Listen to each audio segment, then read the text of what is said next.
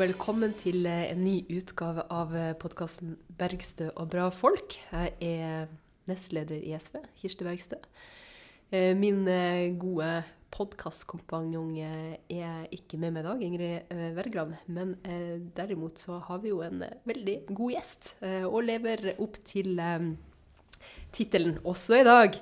Eh, Det er en glede å ønske velkommen til eh, Siv Karin Kjølmann. Takk skal du ha. Veldig hyggelig å ha deg her. Det er veldig koselig å være her òg. Eh, Siv Karin, du er rådgiver i Fagforbundet. Og det vi skal snakke om i dag, eh, det er rett og slett eh, en stor utfordring i manges liv. I mange kommuner, og for mange som bruker velferden vår, eller er avhengig av fellesskapsløsninger. Nemlig heltidsarbeid og deltidsarbeid. Men før vi begynner å snakke om det, så har jeg bare lyst til å snakke litt om deg først. Eh, kan ikke du fortelle litt eh, om din bakgrunn og hvem du er? Ja, jeg er dame på 55 år. eh, Vokste opp i Trondheim. eh, Ja, har veldig gode, godt foreldrehjem. eh, Fått med meg mange gode verdier hjemmefra. Tok noe utdanning en gang på 80-tallet. Ble utdanna vernepleier. Og begynte å jobbe da oppe på den store sentralinstitusjonen utenfor Trondheim, i Klæbu, eh. Og var der i noen år, helt til det ble nedlagt. Og Hva, hvilken type institusjon var det? en sentralinstitusjon for psykisk utviklingshemma. Og så begynte jeg litt å jobbe litt i Trondheim kommune. Jeg gjorde det et par år. Og så kjente jeg at nå hadde jeg lyst på et, noe annet utfordringer, og fikk da jobb i barnevernet, i en, på institusjon der. Så da begynte jeg å jobbe i institusjonsbarnevernet, og holdt på med det i ni år, tenker jeg var sånn cirka. Til jeg ble tillitsvalgt på heltid. Men hele den perioden her har jeg også vært tillitsvalgt. Da. Jeg har jo vært plasstillitsvalgt og hovedtillitsvalgt og alt sånne ting. Ja. Men siden 2000 da, så har jeg Jeg var jo nestleder Eller jeg ble, jeg ble leder i, i FO Sør-Trøndelag. Og var det i tre år. Og så ble jeg nestleder i FO sentralt. Var det i åtte år. Og så begynte jeg å jobbe etter hvert da når jeg slutta der, i Fagforbundet. Og som rådgiver da, i 2011 begynte jeg der. Hva er det som gjør at du har tenkt, eller syns at det har vært viktig å være tillitsvalgt i, i alle de årene du har, eh, du har jobba med folk? Jeg har alltid syntes det har vært viktig å kjempe for rettigheter og, og, og rettferdighet, for å si det sånn. Eh, At eh, folk får rettighetene sine på arbeidsplassen. Men eh, gjennom det å være tillitsvalgt, så får du innblikk i en god del andre ting eh, som du som vanlig ansatt som regel ikke får. Og det er hvordan ting styres, da. Så jeg har jeg skjønte tidlig at her kan jeg lære mye av å være med. Så det var liksom starten på det, tror jeg. Men etter hvert så har det vel handla mer om at jeg, I og med at jeg har valgt et kvinnedominert yrke, så har, det valgt, har jeg valgt det ut ifra at jeg syns det har vært viktig å stå på eh, og forsvare kvinners rettigheter i norsk arbeidsliv. Da. Fordi at jeg opplever vel at når vi snakker om arbeidsliv i Norge, så snakker vi vel mye mer om menns arbeidsliv enn vi snakker om kvinners arbeidsliv. Ja, så hva, hva tenker du på da når du Nei, det handler spesielt om deltid. Det vil jeg jo si helt klart. Altså, det er jo ingen andre mann, eller ikke på mannsdominerte arbeidsplasser du ser en tendenser til noe deltid i det hele tatt. Der er det bare hele stillinga. Mens på alle kvinnedominerte arbeidsplasser så er det deltid som, eller som er det som er det vanlige, og heltid er uvanlig. Så det er nok det, er det viktigste tingen, tenker jeg, men, eh, som jeg har syntes vært viktig. Men så er jo selvfølgelig lønn og arbeidsforhold også. Mm. eh, fordi at jeg utdanna meg til et yrke en gang i tida som var turnusyrke, så er jo det med å jobbe turnus er veldig spesielt. Uh, og det at du har, kan være på jobb 360, altså du skal ikke være på jobb 365 dager i året, men du kan være risikere om å jobbe på julaften og på 1. mai og 17. mai. Og sånne dager som det der er viktig for folk. Og det å få til gode turnuser, gode arbeidsforhold for folk, eh, uansett eh, eh, hvor hen i hierarkiet du er, har vært viktig for meg. da. mm. Syns du det var utfordrende som tillitsvalgt å få gjennomslag eh, der, eller hvordan opplevde du det? Ikke i førstninga. Uh, fram til liksom slutten av 80-tallet så var det mye greier, for da var det mer vanlig med sånn 50% og 100 stillinger, eh, og 75 Men så ser du en endring etter 87 når vi får eh, arbeidstidsforkortelsen, og spesielt ble vi vel veldig klar over det i 95. eh, var det vel når vi fikk endringer i arbeidsmiljøloven om faste ansettelser. For da ble alle de damene som uh, jobba da bare i helgen, altså hadde noen vakter av og til, og som ble ringt opp eh, som ekstravakter. Eh, de hadde krav på fast ansettelse etter hvert.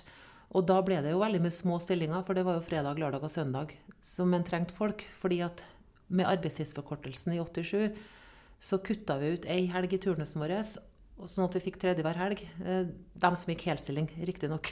Mm. Og så endte jeg da opp i at jeg fikk veldig mange småstillinger. Og da så vi en drastisk utvikling i løpet av 90-tallet, hvor, hvor, det eksploderte, det her med småstillinger. Samtidig som at det, eh, det ble dårligere tider på 90-tallet i kommunal sektor. Og det førte til at eh, vi måtte skjære ned på turnusene mye, og da måtte vi ta vekk Kort ned på overlapping, kort ned på pauser. Eh, ikke alle skulle møte opp klokka sju om morgenen. Noen måtte møte opp fem over sju, noen måtte møte opp ti på halv åtte, noen måtte møte opp sju på åtte til og med. Eh, mm. Sånn at eh, det ble veldig vanskelig etter hvert. Mm. Så jeg syns nok som tillitsvalgt at det var vel det vanskeligste. Det var å få til gode turnuser på utover 90-tallet. Ja. Å få liksom lappa det i hop på en ja. fornuftig måte? Der ja, og sørge både brukerne og folk og, ansatte? Ja. ja. og sørge for at de fikk um, fikk gode arbeidsvilkår som gjorde at de ikke ble så utslitt. Ja. Eh, fordi at altså, arbeidstid har jo stor betydning eh, Hvordan arbeidstida legges opp, har jo også stor betydning på hvor sliten du blir.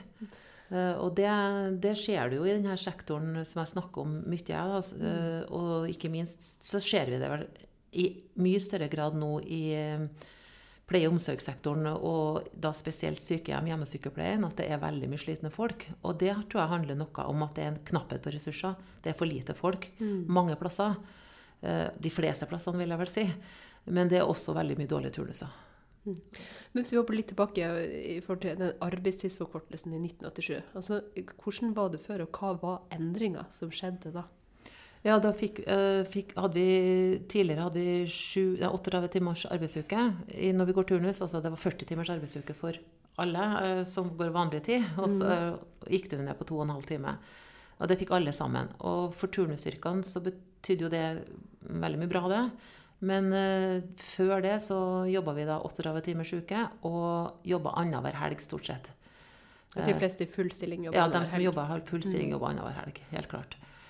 Og så uh, på alle sånne yrker sånn, i administrasjoner rundt omkring, og kontoryrker og den type ting, så, så uh, skar de ned hver eneste dag en halvtime. Sånn at du fikk en halvtime kortere arbeidstid. Mens i kvinnedominert sektor, eller da i turnusyrkene i kvinnedominert sektor spesielt, så kutta vi ut ei helg i måneden. Da. Sånn at vi fikk, fikk tredje hver helgs ja, Normen ble tredje hver helg, for å si det sånn, for 100 %-stillingene.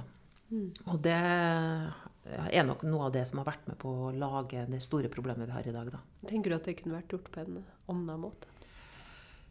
Ja, det kunne det helt sikkert vært gjort. Eh, jeg tror nok at måtte, eh, vi kunne nok ha tenkt helg på en annen måte. Altså, fordi at en ting er helt sikkert, at hvis en skal få til hele stillinga i kommunal pleie og omsorg, så må vi nok jobbe oftere helg, eller flere helger og timer. Eh, og eh, det tror jeg nok at vi har jo gode eller ikke gode resultater, kan jeg vel ikke si ennå, for det er jo ingen som har en heltidskommune ennå. Men, men eh, det ser ut til at det kan bli bedre turnuser ved at vi har en type hinkehelge, som vi kaller det. At de jobber altså, la oss si ei ekstra helg hver tredje måned, eller to ekstra helger hver tredje måned. Og så er det jo også sånn at sånn som familiestrukturene har utvikla seg etter hvert, så er det også sånn at øh, mange har kanskje behov for å jobbe annenhver helg fordi at de ikke har barn, da, men de har, har barn annenhver helg f.eks. Det er også en måte å løse ting på. Sånn at det som vi ser i dag, da, og som ikke vi gjorde den gangen, det var medbestemmelse f.eks. når det gjaldt turnus mm. på en mye bedre måte. Det, det, tror jeg, Hvor hver enkelt ansatt blir hørt i større grad, det tror jeg nok er noe som er viktig for framtida for å få det her til i større grad. Mm. Mens vi ikke gjorde da. Altså, da bare, og vi laga identiske turnuser rundt omkring. og Litt mer som du ser det i industrien. Ja, eh, at det var, like, ja, var sånn veldig like turnuser overalt. Men um, hvor du hadde fri på torsdagene før arbeidshelg og fri på tirsdagene etter arbeidshelg. og Den type ting var turnusene før, men sånn er det ikke i dag. Nei, Nå er det større variasjoner? Ja, ja, ja veldig store variasjoner. Jeg jobba turnus sjøl, og noe av det jeg syntes var veldig tungt, det var jo de Jeg jobba med mennesker med utviklingshemming og autisme, og noen ganger så, eh, så kan det være litt krevende situasjoner å stå i. Da syns jeg det var veldig er vanskelig å gå fra en kveldsvakt med f.eks. Mye, mye utagering, som det så fint heter, eh, og, og på igjen tidlig neste dag. Ja. Det er veldig tøffe vakter. Det kaller vi sånn springskift. Mye, og det er noe av det tøffeste du kan gå, det som kanskje også er mest skadelig for kroppen din. Mm. Det å ikke få nok hviletid. Arbeidsmiljøloven sier jo at vi skal ha 11 timers hvile, men kan gis dispensasjon på ned til åtte timer. Og normalt i norske kommuner i dag så gir vi jo dispensasjon, og da har de ni timers hvile som regel. Og det er etter all sannsynlighet altfor lite. Mm. Så det å få gjort om turnusene der eh, tror jeg nok er viktig for framtida. Og kanskje kan gjøre at eh, helsa til mange holder hold Ja. lenger, og at folk eh, får, får bedre dager. Både Ja, på jobb og ute, utenfor jobb. Ja. Fordi det her eh, altså, Jeg har jo hørt eh, du si mange ganger at i dag så organiserer kommunene, og også helse- og omsorgssektoren, er organisert som deltidsarbeid. Fordi omfanget er så stort, og fordi det er det som Vi har gått i en utvikling der det rett og slett er hovedregelen. Mm. ja. Det, det er situasjonen ute i det ganske land. Mm. Ja, både innenfor helseforetak, innenfor kommunene, og særlig innenfor hel- helse og omsorg. Mm. Eller kvinnedominert sektor, er det vel kanskje Ja, jeg vil kalle det sektor, for vi ser det selvfølgelig også i barnehagene, i renhold, i restaurant, eh, eh, handel og service. Altså mange sånne områder vi ser det. Mm. Men det ekstreme vi ser, det er jo i pleie og omsorg. For der har du de bitte små stillingene, og det har du kanskje ikke som stort av på de andre områdene. mm. Fordi den her turnusen skal gå opp, som Ja, det ofte det er turnusen. er, er det tilbakevendende forklaringer på, Mm. eh, på eh, de her skaltinga og valtinga med kvinnfolk og andre arbeidsfolk med 16,3% stillinger osv. Ja, det er jo horribelt. Altså, vi har jo i Fagforbundet medlemmer som eh, er nyutdanna helsefagarbeidere som eh, blir tilbudt eh, 14,43% eller 17,88 stilling. Mm. Eh, og da tenker du at du er ung jente som skal uh, ut og realisere deg og realisere drømmene dine. Og skal selvfølgelig flytte fra foreldrehjemmet. Uh, men det går jo ikke. Det er jo ingen som har sjanse til å leve på 16,6 stilling. Det er helt umulig. Og det betyr jo også for ei sånn jente at hun vil gå, måtte gå med mobilen i lomma hele tida for å sørge for at hun får nok inntekt til å kunne livberge seg sjøl sånn noenlunde, da. Ja, for de fleste jobber jo langt mer enn den stillingsprosenten som står i kontrakten, skulle tilsi. For det er ingen som kan leve av 16,5 6%-stilling. Nei, og det er jo nettopp der det, det, er jo det som er det tragiske med, he, med, med norske kommuner spesielt, syns jeg. Det er jo, uh, når det gjelder helseforetakene, så ligger de mye bedre an når det gjelder heltidsstatistikk. Det handler noe om at de kan skrive inn pasienten på mandagen, behandle på tirsdag eller onsdag, hvile på torsdag, og så sendes de hjem igjen til kommunen på fredagen. Og da er det jo noen som må stå der og ta imot dem, og det er da hjemmesykepleie eller sykehjemmet. Sånn at det er lett altså De kan begrense pasientgrunnlaget sitt på sykehusene i mye større grad i helgen. Mens i kommunal sektor så får du ofte flere pasienter i helgen. Og det har kanskje blitt forsterka med samhandlingsreformen. Ja. At eh, flere kommer sykere hjem i helgene. Ja, helt klart. Og, ja. Ja, og de trenger mye, mye mer hjelp. da. Så det, og, og det er jo det tragiske, da, syns jeg. Det er jo det at hele denne sektoren her da, organiseres som for det første deltidsarbeid. altså Eh, nå har det vært ganske lang tid, sånn ca. 23% men de siste to årene så har det økt opp til 26 nå er det som jobber heltid i pleie- og omsorgssektoren. I kommunene. I kommunene, ja. 26% det er lite. Resten jobber da deltid. Og, eh, og så er det hull i turnusen. Og så er det jo et enormt stort sykefravær ofte i denne sektoren også. Så det alltid, trengs alltid nye folk. Så det er jo På et sykehjem normalt sett så er det alltid ekstravakter eh, på hver eneste vakt. da. Og det betyr jo at det er dem som da går i de små stillingene, eller som har deltids, andre typer kontrakter. Altså det finnes jo dem som har sånne timesbasis, eller som har sånne kontrakter hvor du ikke har noe fast stilling, men du skal komme hvis de ringer. Eh, Og det å organisere det på den måten er jo helt eh, urimelig, tenker jeg, når, når, vi, når det går an å tenke at de ressursene vi bruker så mye på ekstravakter, det vi kan gjøre om dem til faste stillinger. Da øker du også opp bemanninga eh, i sykehjemmet, sånn at du får en høy bemanning. Sannsynligheten for sykefravær er er Altså det blir antageligvis mindre sykefravær, tenker vi. Og så kan du øke opp stillingene til å få 100% stillinger i det. da. Og det gjøres, mener jeg at det er penger kommunen bruker likevel, for de bruker det jo på ekstravakter. Og hvorfor ikke gjøre det da om til hele og faste stillinger i stedet? Det er jo den enkleste måten. ja, eh, og jeg vet jo at du eh, reiser mye rundt og snakker om nettopp det. Eh, og da, da får du jo sikkert også servert en del motforestillinger. Ja, det er klart altså kommunal sektor og administrasjonene rundt omkring i kommunal sektor reagerer jo når vi sier det. fordi at de tenker jo at vi må ha de pengene for at det blir jo sykdom på ekstravakt, og vi må jo bruke ekstravakt og sånne ting. Eh, det er det ene de tenker, tror jeg. Eh, nå har jo KS vært med oss på akkurat den tanken, og de sier også at du kan bruke del, en del av de ekstravaktmidlene til å gjøre om til hele faste stillinger.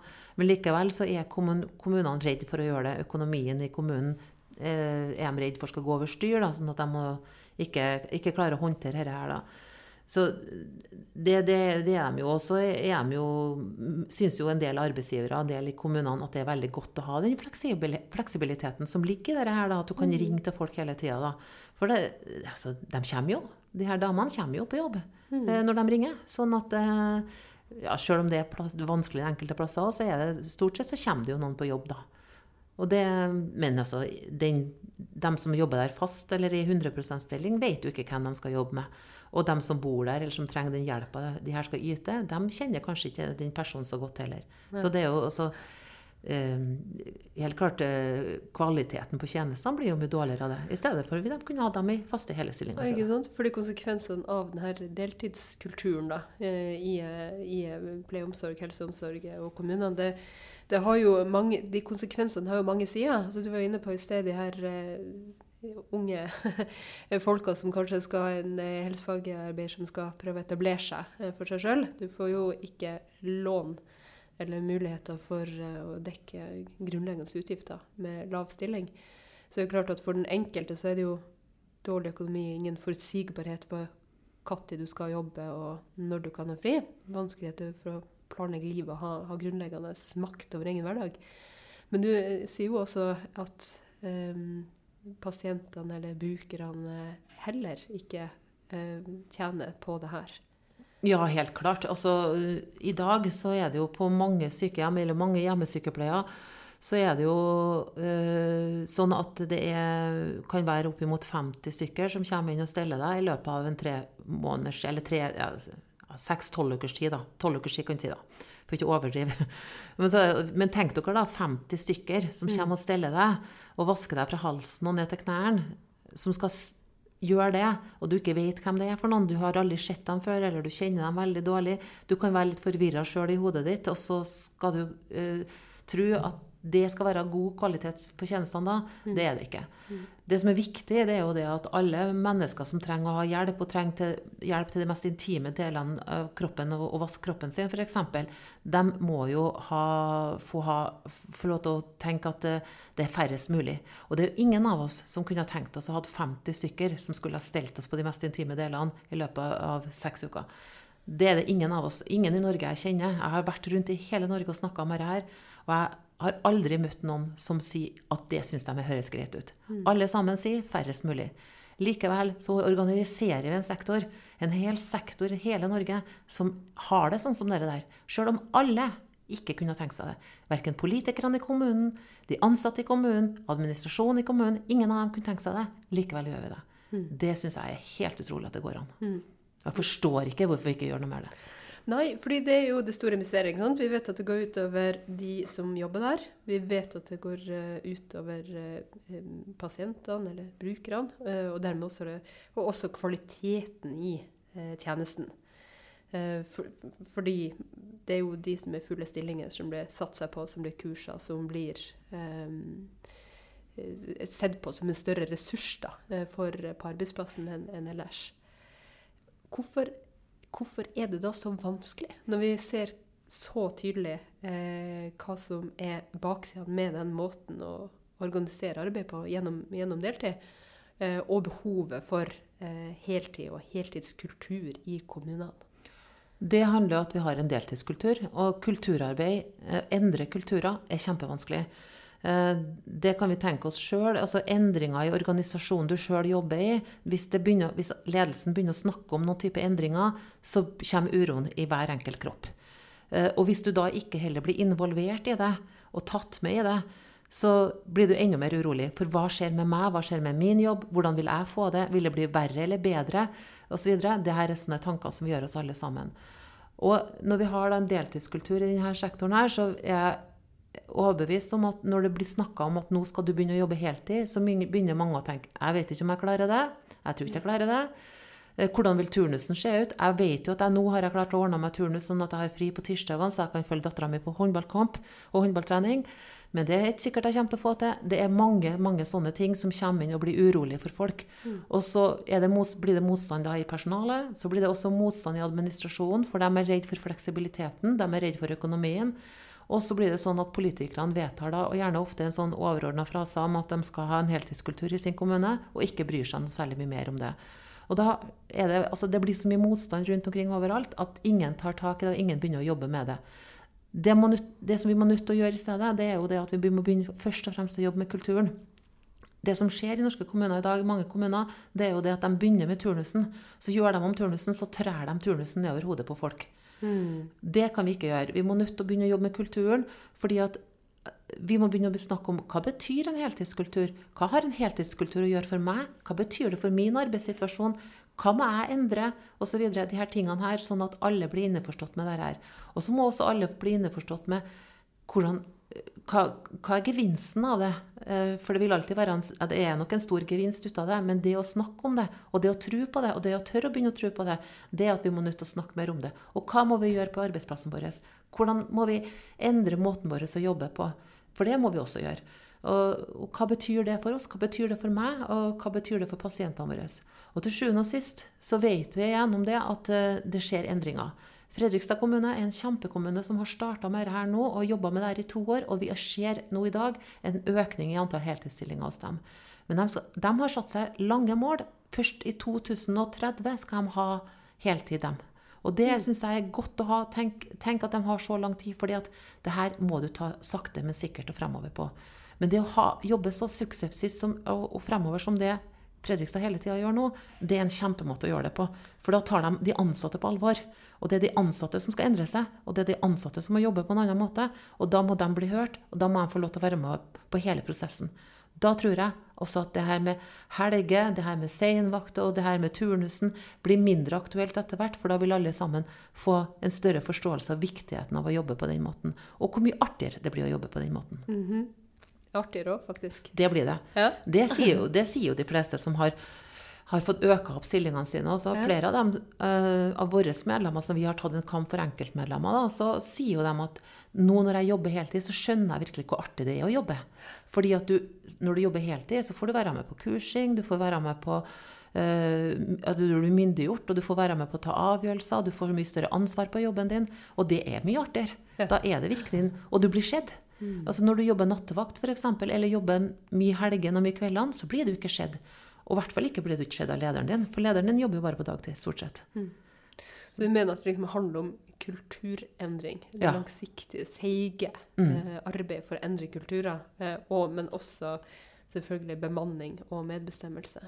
Ja. ja altså, for at jeg mener å jobbe med kultur er medbestemmelse. Ja. Fordi at sånn som det skjer, og Årsaken til at mange kommuner mislykkes i dag, er jo at de ikke jobber med kultur. Men de jobber bare, tar bare den altså Lederne har ofte vært på de her kursene før da, og kan en del om det. Og så finner de ut at sånne turnuser er bra, og så trær de det nedover hodet på folk. Og det skaper motstand. Da har det jo ikke vært medbestemmelse. Da har ingen fått uttalt seg. Det er bare en turnus som lederen har sagt, eh, eller administrasjonen sier kjempebra, da blir de, det, det, det vil ikke funke. Mm. Det vil bli motstand. Du nevnte Fredrikstad her i sted som jo har et veldig langsiktig mål mm. eh, på å få til en, en, heltidskultur, og som du trekker frem som et godt eksempel. Er det, er det andre plasser? Jeg kjenner jo til, til arbeid i Tromsø. Ja, jeg kjenner til der. Der har de jo jobba altså, i Tromsø så har de hatt et veldig fokus på spesielt på turnuser. da, Og at de ansatte skal få velge hvilken type turnus de vil gå. da, og Det er om de vil ha lange vakter eller vanlige vakter eller mange vakter etter hverandre og litt ulike ting de har fått lov til å være med og bestemt. Og det er bra, det også, tror jeg. Men øh, hvis ikke de ansatte har en innforstått, innforstått med viktigheten av dette her overfor pasientene, Og overfor, eh, overfor pasientene og brukerne, men også overfor effektiviteten i arbeidet og, og, det å få lov til å være med, og, være med og delta på en mer måte, en høyere, større måte gjennom bl.a. medbestemmelse og større ansvar. Så, så tror jeg også at det vil være motstand for mange til å øke oppstillinga si til 100 da. Og vi trenger jo alle sammen, eller stort sett ikke alle sammen, det vil alltid være noen på deltid. Men en heltidskultur er cirka, tenker jeg, ca. 75% av de ansatte jobber heltid. Det vil du kalle en heltidskultur? Da vil jeg begynne å kalle det en heltidskultur. Men der er forskerne uenige òg, altså. Det mm. varierer veldig hva, de sier. Hva sier De, da? Nei, det er jo alt fra Kari Ingstad som har sagt eh, et par og 50 til eh, Det siste jeg hørte, var vel eh, Leif Moland snakka om 80 mm. Men er du på 75, så tenker jeg at da har du en brukbar heltidskultur. Uh, og, og hvis ikke ansatte får lov til å være med og forstå hvorfor det er viktig mm. For det er ikke gitt av seg sjøl at folk forstår at dette er viktig. Det er, altså jeg heller skjønte kanskje ikke viktigheten av det før jeg virkelig begynte å gå inn i det og virkelig begynte å jobbe med det. Så begynte jeg virkelig å skjønne det. Og jeg, og jeg har jo jobba med det i åtte år. Og da, de åtte årene, Jeg har brukt åtte år på å skjønne såpass mye som jeg skjønner i dag, f.eks. Altså, det, mm. det, det er ikke enkelt. Men de fleste av oss har jo kanskje ikke åtte år på å skjønne det her. Nei, det... Nå er jo du blant de fremste i landet på feltet og, og, og brukes som en ressurs uh, over det ganske land, uh, og godt er det. Men når du reiser rundt for å fortelle om uh, viktigheten av en, en, en heltidskultur, hvordan hvordan presenterer du deg, da? Altså, Hvordan skal de gå frem? Nå stiller folk til valg til høsten. Veldig mange eh, ønsker å få til heltidskultur i eh, kommunene sine. Hva tenker du er liksom eh, Hva er tripp-trapp-trinnene eh, eh, for å gå frem på en, på en, klok måte for å få planer der eh, ansatte med Der kommunen endrer seg, eller der tjenestene eh, tilpasses eh, folk på en bedre måte. Hvordan tenker du at vi skal gjøre det i praksis? Mm, ja, det var ikke det ikke enkleste spørsmålet der, Kirsti. Nei. Vanskelig og det er vel ingen av oss, spørsmål. ja, men det er ingen av oss som har fasitsvaret på det her, i og med at ingen har klart det ennå. Men jeg tenker først og fremst eh, så vil jeg si at politikerne, da, den fremste ordfører og varaordfører og den type, bør jobbe uh, knallhardt opp imot administrasjonen og kreve resultater uh, hele tida. Altså uh, med, og, med, rapportering, da. Det bør være møter med tillitsvalgte og administrasjonen fra politikernes side, ja, gjennomsnitt én gang i måneden i hvert fall, hvor du rapporterer også i de møtene hele tida. Og jeg tror også politikerne må, må, be om å få tall på hvor mange selvfølgelig på deltid, det er rimelig greit, men du må også få tall på hva er den planlagte bemanninga, hva er den faktiske bemanninga, hvorfor er det så store sprik, hva kan vi gjøre for å få til de sprikene her. Det å faktisk bry seg som politiker, og bry seg kanskje mer enn du noen gang som politiker har gjort i forhold til en enkeltsak, det er nok dette kjempeviktig at vi gjør. Uh, og jeg tror at vi har, i Norge har hatt for dårlig på det politiske sida til virkelig å bry seg. Den eneste jeg kjenner som virkelig skjønte dette, her, det var Ingrid Aune, som er Arbeiderpartiordfører i Malvik kommune utenfor Trondheim. Hun har virkelig skjønt det, og hun har da brukt de fire årene sine nå på å jobbe med dette. Og hun har fått opp noe mer heltid, men ikke så mye ennå. Men hun brukte de to første årene på å overbevise administrasjonen til å få dem til å forstå at dette var hennes sak, den saken skulle hun ha gjennom i løpet av de fire årene. Og hun jobber suksessivt hele tida. Sånn at så fra politisk hold så må du nødt til å jobbe knallhardt eh, med å hele tida sørge for å få rapportering, sånn at administrasjonen gjør det de skal gjøre. Så er det administrasjonen må også, eller Politikerne må også sette av penger på budsjettet, men du må også sørge for at lederne i pleie- og omsorgssektoren får en god utdanning og får opplæring. Eh, fordi at eh, det å endre en kultur krever endringskompetanse. Mm. Uh, og det er det veldig mange som ikke har av lederne. Uh, det er også stor motvilje hos en del ledere til å gjøre endringer og endre kulturene. Så det å ha den endringsviljen og endringskompetansen, samtidig som du er i stand til å kunne gå inn i det her og ta de her ja, vanskelige avgjørelsene og upopulære avgjørelsene. Det å være en god leder eh, som også følger opp de ansatte, det, er, det, må du få mer opplæring på, tror jeg. Fordi at uh, de som er ledere i pleie- og omsorgssektoren i dag, er mange Kanskje sier jeg noe som er ekkelt her for enkelte som sitter her nå og hører på. Mm. Men det er, altså, ledelse i pleie- og omsorgssektoren har aldri vært satsa på. Men særlig, og det må det gjøres i mye større grad. Jeg opplever det nok at rektorer på skolene rundt omkring i Norge får bedre oppfølging og mer opplæring enn det jeg tror ledere i pleie- og omsorgssektoren får. Så det å satse høyt på opplæring av lederne er kjempeviktig. Det må politikerne stå på i større grad også. Og så er det da å, å legge opp noe, sette av noen penger, sånn at de ansatte har mulighet til å få fri fra jobben sin til å delta i de kulturendringene som man er nødt til å gjøre. Og det er til å få delta på kursing, bl.a. Og delta i sånn som Fredrikstad har det de kaller noe, kaller, har noe de kaller for prekesjappe. Prekesjappe. Det høres pre veldig ut som et Fredrikstad-ord. Ja, det er Fredrikstad-ord. Prekesjappe, ja. Og det er veldig spennende, fordi at der sitter de da rundt i sirkel og legger fra seg sånn telefon og iPad. Det må ligge i et annet rom. Og så sitter de som om, som om de skulle ha vært på noe sånn eh, behandling i BUP eller psykiatrien eller sånt. Ja. Sitter med sånn ansiktet mot hverandre i en sirkel.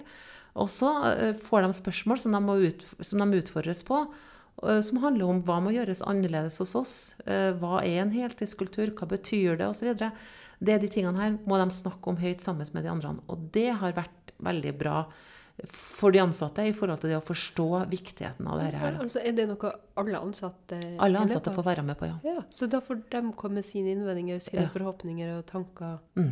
om det som de holder på å jobbe med? Mm. Og det er kjempebra. Det er veldig bra. fordi at um, det er jo de ansatte ofte eh, som ikke får være med på, på, sånne ting. Det er de tillitsvalgte, og så er det lederne. Og så er det noen andre høyere oppe i systemene som får være med på den type arbeid som her er. Men det er jo ikke dem som skal endre seg, for de har jo 100 %-stillinger. Det er jo dem under der igjen. Altså de, mm. den vanlige ansatte, vanlige helsefagarbeideren, assistenten, sykepleieren, som må endre måten sin å jobbe på. Som må endre stillingsprosessen sin, kanskje. Eller som, som, må tenke annerledes om jobben sin enn det de har gjort så langt. Det er jo dem som, som skal ha de store endringene. Det er der kulturen er. Mm. Og må, da må de også ha den samme forståelsen. Og det må inn i ryggmargen deres på samme måte som vi andre har fått inn i ryggmargen. Og da, og da kan det jo godt hende at det sitter noen og hører på nå og så tenker sånn her Ja, ja, ja, så jeg skal endre meg, ja. Eh, men eh, jeg har jo ønska å jobbe i høyere eh, stilling i mange år uten å få det. Og så sitter noen andre og tenker ja vel, men kan ikke Siv Karin komme og ta den gulvvasken som aldri blir tatt i hjemmet mitt om ikke jeg jobber redusert? For her strekker ikke tida til. Mens den tredje kan tenke at men helsa mi holder ikke til, til, å jobbe mer, så hva skal jeg endre på? Eh, fordi det er, jo, det er, jo, mange som opplever at det liksom er praktiske eh, eh, tidsmessige krav som gjør at de såkalt har valgt å gå ned i stilling. Helt enig med deg. Og det er klart at det er nettopp derfor du skal ha med de ansatte til å sitte i den sirkelen her. For å, for å, få være med og si om de problemene de har i forhold til det, eventuelt å gå opp i høy stil, høyere stilling. Eller eh, at det her høres helt umulig ut for dem. For det å få være med på dette her, det tror jeg gjør noe med innstillinga til folk etter hvert uansett, tenker ja. jeg. Eh, så, sånn at Uansett så tror jeg at ting vil endres i det der. Men så vil det jo alltid være noen som ikke kan jobbe helstilling. Det, og det er kjempeviktig. Altså sånn, det er alltid noen som har krav i forhold til etter arbeidsmiljøloven. Mm. Men det er også folk som er delvis ufør, og den type ting også, som vil måtte jobbe deltid. Det blir jo et inkluderende arbeidsliv. Ja, helt klart. Så det, det, skjer, det skjer, jeg også. Men, eh, men, eh, men jeg syns også det er viktig at folk stiller seg spørsmålet hva er det som gjør da at menn kan klare å jobbe 100% men ikke kvinner? Eh, og så er det jo sånn enkelte som påstår at kvinner Jeg så til en, en Frp-politiker som sa det at kvinner var biologisk annerledes stilt enn menn. Derfor orka ikke de å jobbe så mye. Og hvem er det som virkelig jobber i det landet her, da? Jo, det mener jeg absolutt at kvinner jobber. De jobber kanskje mer enn mange menn også. Så det handler nå om kjønnsroller. Men vi jobber jo gratis. Ja, det er gratis arbeid det mm. kvinner utfører, helt klart. Men det handler også om kjønnsroller. Selvfølgelig handler det om det.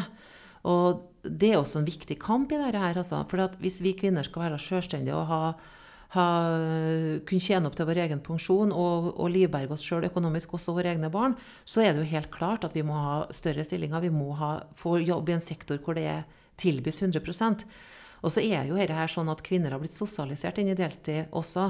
Eh, sånn at, at det, damer og kvinner på min alder eh, selvfølgelig, jeg skjønner, altså Det har vært vanlig. De har jobba sånn hele livet sitt. Så å få dem til å endre seg, det tror jeg altså det, det, er ikke det som er hensikten. Men hensikten her er at spesielt at arbeidsgiver nå begynner å lyse ut i 100% stillinger. 86% altså, av stillingene som lyses ut for helsefagarbeidere i Norge, 86% av dem er deltidsstillinger. Mm. Hvis arbeidsgiver begynner å lyse ut i 100 stillinger, så får jo de yngre folkene, eller de som er på søken etter ny jobb nå, får jo 100 stilling da. Og da kan vi også endre den her med at de sosialiseres inn i deltid også. Sånn at det å få folk inn, og få folk til å begynne å jobbe heltid, det tror jeg også er kjempeviktig. Så det er jo Én uh, ting er å jobbe med dem som allerede er der, men så må jo arbeidsgiver også begynne å jobbe, dele, lysutstillingene hele tida. også. Mm. For hvis du skal ha en heltidskultur, og, og politikerne har bestemt at du skal ha en heltidskultur, og så ser vi en kommune som lyser ut uh, ti, etter ti personer, hvorav én uh, av dem er 100% og resten er 50 og 60 og, og 40% f.eks. Da, er det jo, da er det håpløst. Mm. Så er det jo eh, eh, veldig fort at ting bare glir seg til i heimen. da. Det er jo kanskje etter å ha sittet i den her Hva kalte hun preke... Prekesjappa. Prekesjappa i Fredrikstad eh, tatt noen runder i prekesjappa, så er det kanskje lettere å ta praten hjemme om at eh, hvis at eh, jeg skal få pensjonspoeng og, eh, og kunne stille opp eh, for de jeg har valgt å, å, å, å, jobbe for hver eneste dag, som er på jobb, eh, så må vi dele litt mer på ting her hjemme. Ja, helt klart. Altså Det å ta den diskusjonen hjem, det tror jeg er kjempeviktig. Og, og så er det jo klart, altså Her er jo generasjonskløftet selvfølgelig også. Uh, som helt sikkert uh, Og så er det ikke minst så store forskjeller i landet vårt på det her. Det er det jo helt klart. Altså, nå har jeg reist i hele landet. Jeg skal ikke si hvem som er verst og best, er det, men, men, det er store forskjeller, det er det. Og, men at, at, vi kvinner må ta hånd og tak i oss sjøl på en måte, og, og forlange å få større frihet fra hjemmet og til å, kunne klare å, jobbe, til å få lov til å jobbe, det tror jeg er kjempeviktig. Mm. Og så bør det jo ikke være sånn at automatisk heller at uh, det er sånn at det er Når, når ungene er små, f.eks., og dere kjenner, altså en som familie kjenner at det her fikser vi ikke. Mm. Vi klarer ikke, vi får det til å gå opp. Hvorfor er det da automatisk at det er damer som søker permisjon 20% fra jobben sin, f.eks.? Mm. Det her er også sånne ting som jeg syns må diskuteres. Og jeg hadde ønska at alle familier rundt omkring tar den praten der, da. Ikke sant? Problemet er jo at det er ofte damer som har lavest lønn. Så for å klare seg som familie, så er det jo naturlig at den med lavest lønn Går ja, ned i inntekt. Det er klart, Vi må jo snakke om likelønn da, da, selvfølgelig oppi det, og, og sånne ting. Men, men uh, ja, og og det er selvfølgelig et problem. Men jeg tror nok ikke at det er bare det. Jeg tror at det er en del andre ting òg. Jeg tror det at det er en sånn selvfølge uh, fremdeles at, uh, at kvinner tar den støyten med å være hjemme. Ja. Og da får du jo resultatet som man ser veldig tydelig. At eh, når uh, folk får unger, så skyter eh, mannekarrierer fart. Ja. Eh, mens kvinnfolket kvinnfolk blir stående igjen. Mm. Og det er, jo, det er, jo, et gap som er veldig vanskelig å få gjort noe med senere i livet. Når, når det mønsteret er så systematisk og, ja, og, helt klart. Ja, vi vet jo også det at det finnes statistikk på, som, har, som har skjedd, at at uh, dess flere menn nei, dess flere kvinn... Nei, dess flere barn menn får, dess mer jobber de. Og dess flere barn kvinner får, dess mindre jobber de. Ja. Og det har nok helt sikkert noe at noen, de må tjene enda mer penger, og det er noen som må nødt til å være hjemme, og da må mannen jobbe overtid. Mm. Så det blir enda mer jobbing på mannen. da. Uh, og det mener jeg er et kjempeproblem. da. Ja, og Det er jo et problem med, med, veldig mange sider. Det er klart at det er ikke særlig likestilt å ha mannfolkarbeid som overtidsarbeid og kvinnfolkarbeid deltidsarbeid. Nei, det er jo ikke, eh, ikke eh, særlig bra. Men jeg tenker jo at det her er jo et sånt tema som Um, som går rett inn i livene våre. For det handler om hvordan vi har det på jobben, det handler om hvordan foreldrene våre eller besteforeldre har det på, innenfor pleie og omsorg. Det handler om hvordan, uh, hvordan velferden og fellesskapet er rigga til, til, å stille opp for oss uh, når vi trenger det. Men derfor er det jo så viktig hvordan vi prater om de tingene. Fordi jeg blir jo forbanna når jeg hører eh, arbeidsgiversida gå ut og si sånn Nei, nå eh, må damer eh, slutte å shoppe og henge på kafé, eh, eller eh, være opptatt av sjølrealisering og heller komme seg i jobb. At det blir en veldig sånn moraliserende tone. Eh, eller du har liksom Erna Solberg og høyresida og regjeringa som sier sånn Ja, hvis ikke folk tar seg sammen nå eh, og jobber flere timer, ja, da må vi alle jobbe veldig mye mer eh, i eh, fremtida. Eh, og da er jo det utrolig viktig at man har fagbevegelsen og tillitsvalgte som kan bruke eh, et språk og metoder som som treffer folk eh, på, på, en annen måte. Ja, helt klart. Eh, fordi det har jo noe å si. ikke sant? Jo, det, det, er jo ikke sjelden man ser oppslag om at de som har fått turnusene tredd ned over hodet, og så er krigen i gang. Mm. Eh, og hvor feil det kan bli når man starter i feil ende. Mm. Ja, helt klart. Det blir helt forferdelig. Altså, det å drive med moralisme overfor de her damene som jobber deltid, det er det verste vi gjør. Altså. Og det skal vi ikke gjøre. Og det er ikke noe Altså, de har gjort det av, en, av, en, av mange ulike grunner. Men jeg vil påstå at det er svært svært få av de her damene her som har gjort det fordi at de liker å drikke kaffe latte, gå på mm. treningsstudio og shoppe på CC Vest, som det ble sagt. Da eh, Da syns jeg også det er viktig å benevne hvor CC Vest ligger nå. Altså, det ligger på vestkanten i Oslo. Og det er mulig at det er noen damer der som har råd til det, men, men normalt sett så har ikke damer i deltid råd til å fære og springe på CC eller på å shoppe så særlig mye. Altså. Da er de i tilfelle gift med noen som er veldig rik, da. Og det er, altså, det er, ikke derfor kvinner jobber deltid. Det viser forskning også. Det er fordi at de er sliten. Mange opplever at det er slitsomt å jobbe i denne sektoren. Det er fordi at bemanninga er altfor dårlig. For de som er mest sliten, sier en ny rapport nå som en uh, Leif Moland i Fafo har skrevet. Der som de som er mest slitne her, sier at det er fra hjemmesykepleien og, og, på sykehjemmene. Der er bemanninga dårligst. Mm. Det er mye mindre, slitt, mindre, slitsomhet å jobbe i tjenestene til utviklingshemma. For der, det, der, har du slekk i tida, du har mye mer mulighet til å ta småpauser. Mm. Sånn at det er viktig å se på de her tingene. Og de funnene han, Leif Moland nå har fått i denne rapporten, til å finne ut av hva som er mer om årsaken. Fordi at hvis du blir sliten, og du er sliten, og bemanninga er for dårlig, så er det kjempeproblematisk. Men det som også rapporten sier, det er jo det at de er mindre sliten, de som jobber i helstilling, enn de som jobber i deltidsstillinger. Det er interessant. Og det er ganske interessant, syns jeg. Men det er jo fordi at de som jobber i helstilling, har en bedre turnus enn de som jobber deltidsstilling. Mange av de som jobber deltidsstilling, har også mye kortvakter, på seks timer eller mindre enn det. Da jobber de i den mest uh, tida på, på, arbeidsplassen sin hvor det trengs mest folk, men som det er også mest travelt. Så springer de i seks timer, og så får de ikke de pausene imellom som de andre får være med på, som har lengre vakter. Uh, og det, det gjør jo også noe med at du blir sliten. Så er det jo at Hvis bemanninga er for liten og oppleves at den er for liten, og det er stort sykefravær, så er det masse ekstravakter som er inn, som ikke kjenner brukerne så godt, og som hele tida går og spør dem som jobber der fast, om hva de skal gjøre nå, og hvordan de skal gjøre det, og ditten og datten. Og det ender selvfølgelig om at du blir mer sliten da også. Men hvis du jobber 100% så har du i større grad kompetansen til å ta arbeidsoppgavene dine, og du har også oversikten og du har eh, muligheten til å ta de småpausene innimellom i større grad. Da. Ikke sant. Du har ikke lest den rapporten, men jeg vil jo kanskje tenke at organisering av tjenestene også har noe å si. Fordi i hjemmesykepleien så er det mange som skal uh, løpe etter tida og har stoppeklokkeomsorgen og, og opplever at man ikke alltid henger etter? Går rapporten inn på, på den typen ting òg? Skriver ikke så særlig mye om det, men det er jo noe vi vet fra før. Ja. At, uh, og at hjemmesykepleien er underbemanna i mange plasser. Mm. Det er jo det som gjør at du har hatt den, stopp, den stoppeklokkementaliteten som har vært i Norge. Har jo ført til at det har blitt mindre bemanning, fordi at der tar de jo tida. Uh, fem minutter inn og pusse tennene til noen, f.eks. Liksom, det bruker du da tenker ikke du den tida du faktisk eh, skal bruke for å prate litt med vedkommende, kanskje, eller noe sånt. Og det er jo hjemmesykepleien hvor du skal f.eks. servere et måltid. Altså du bruker 15 minutter på det.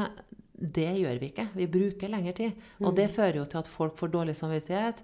Uh, blir sliten og kjenner at de både psykisk og fysisk ikke strekker til jobben sin. Mm. Og det handler om at det er dårlig bemanning. Sånn at det må vi nødt til å gjøre noe med. Mm. selvfølgelig.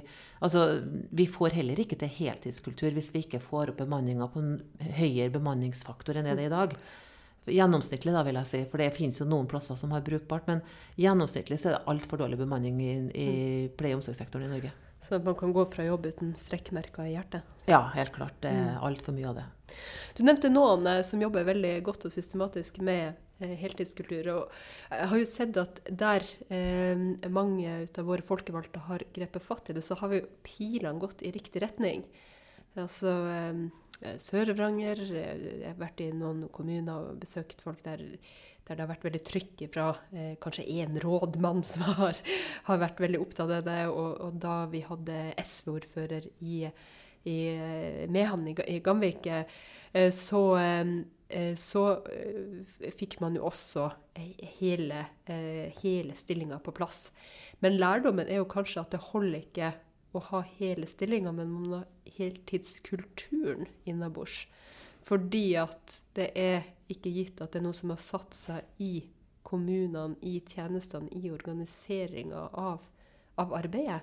Fordi man ofte ser at de pilene går opp når noen presser litt på, og så går de ned igjen like fort eh, etterpå ved et, eh, et skifte. Eller eh, når ikke noen sitter og, og, og, trykker på. Og da har jo dere i Fagforbundet eh, et samarbeid med, med, KS for å få, eh, få på plass de heltidskulturene. De som hører på nå, eh, og som er mer interessert i det, hvordan kan man finne ut av det? Hva syns du eh, eh, hva, er, hva er liksom det, det, gode tipset for å, for å liksom lage din vei? Eh, eller for å, for å, finne ut mer om det. Samarbeidet dere med, med KS og, og arbeider for kulturendring? Ja, nå skal det jo sies at det ikke bare vi fra Fagforbundet og KS. Delta og Sykepleierforbundet er også med på det. Eh, det er et partsarbeid eh, som vi har holdt på med nå i ja, flere år, siden 2012 vel. Eh, og det har jeg vil si, skjøttet fart nå de senere årene i større grad enn det det har gjort tidligere. Men, og vi jobber mye bedre nå. Og vi har da laga en nettside som heter heltid.no. Og gå inn på den, så finner dere flere veiledere som vi har laga. En finner tips fra andre kommuner. En finner all forskningslitteratur som er kommet så langt på dette, og det er det ganske mye fra fra Fafo. Uh, så der finner du masse du kan lese. Heltid.no. Ja, heltid.no. Så gå inn der. Anbefaler det. Enten du er sykepleier eller helsefagarbeider og er tillitsvalgt, eller du er kandidat til kommunen, eller er så heldig at du allerede er folkevalgt, eller uh, i ledelsen innen pleie- og omsorgssektoren, uh, eller, eller, andre som er opptatt av arbeid for en heltidskultur, bør altså stikke innom og sjekke heltid.no. Ja, Veldig bra hvis de gjør det. du, vi begynner jo å gå litt mot, mot slutten, eh, mot slutten nå. Eh, så eh, det er jo et, et valg eh, til høsten der det er eh, hvert fall Jeg har veldig store forhåpninger om at kampen for heltid og heltidskultur skal skal prege debatten og, og, og også bli en litt større del av folks virkelighet eh, etter, eh, etter, valget. Eh, og der stiller tillitsvalgte opp. Mm -hmm. og der er du klar for å hjelpe til videre? Ja, absolutt. Å ja, ja, ja. Jeg, absolutt. Jeg reiser rundt i hele landet nå. Jeg, jeg kommer til å reise rundt i hele landet så lenge folk etterspør uh, min kompetanse. Så det syns jeg er kjempeartig. Det er veldig bra. Um, og, men Fagforbundet er jo også med på valgkampen. Fagforbundets medlemmer ønsker jo også eh, rød-grønne kommuner og står på der. Og det her vil jo være en viktig sak for oss. Så jeg anbefaler alle SV-ere som stiller til valg i norske kommuner, å ta kontakt med Fagforbundet og bli med Fagforbundet. Vi kjører rundt med biler og bobiler hele valget, under hele valget og ta kontakt. Være med dem. Eh, stå på stand ved siden av hverandre. Eller arrangere ikke minst fellesmøter. Det tror jeg er kjempebra. Fortsett med det må fortsette med. Men du har jo ikke alltid jobba i eh, Fagforbundet. Du har heller ikke alltid jobba som, eh, som vernepleier. Um, vi har et fast spørsmål som vi stiller alle våre gjester, og det er hva var din aller første jobb? Jeg vet ikke om jeg kan kalle det aller første, men da tjente jeg bare da tjente jeg noen, noen få kroner. Da var jeg jordbærplukker. Ja. Uh, så, men min første litt mer sånn ordentlig jobb det var sto på Grønne Brygge, som er en stor, fin, eh, og som eksisterer fremdeles, skoforretning i Trondheim. Og, men når du sier at det var en ordentlig jobb, var det fordi at da hadde du på en måte kontrakt og, ja. og høyere still, Ja, da jobba jeg fast uh, hver torsdag og hver lørdag. Ja. Pluss at jeg jobba alle somrene og alle feriene mine. Mens, mens jordbærplukker, det var sånn per kurv. Ja, det var ei uke jeg, som det første gangen jeg tjente penger nettopp, ja. utenom at jeg fikk lommepenger. da. Og Ja. da, jeg tror jeg fikk 250 kroner for øh, jeg jobba der i, ja, jeg der ei uke. Men skoforretning, Mm. hvordan var det? Ja, det var kjempeartig. Eh, på mange måter. Jeg har jo skodilla.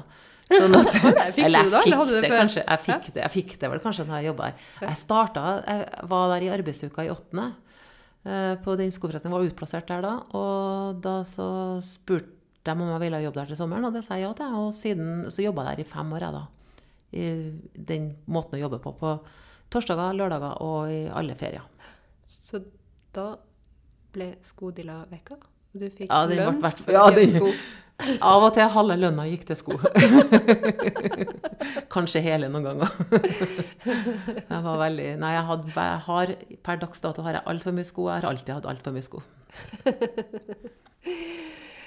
Tusen takk for at du eh, var med i dag for å snakke om et eh, viktig tema, og takk eh, til deg som har hørt på. Eh, Jeg håper du fortsetter å følge podkasten 'Bergstø og bra folk'. Jeg håper du anbefaler den, og så håper jeg at du har en fantastisk deilig dag akkurat der du er. Ha det godt.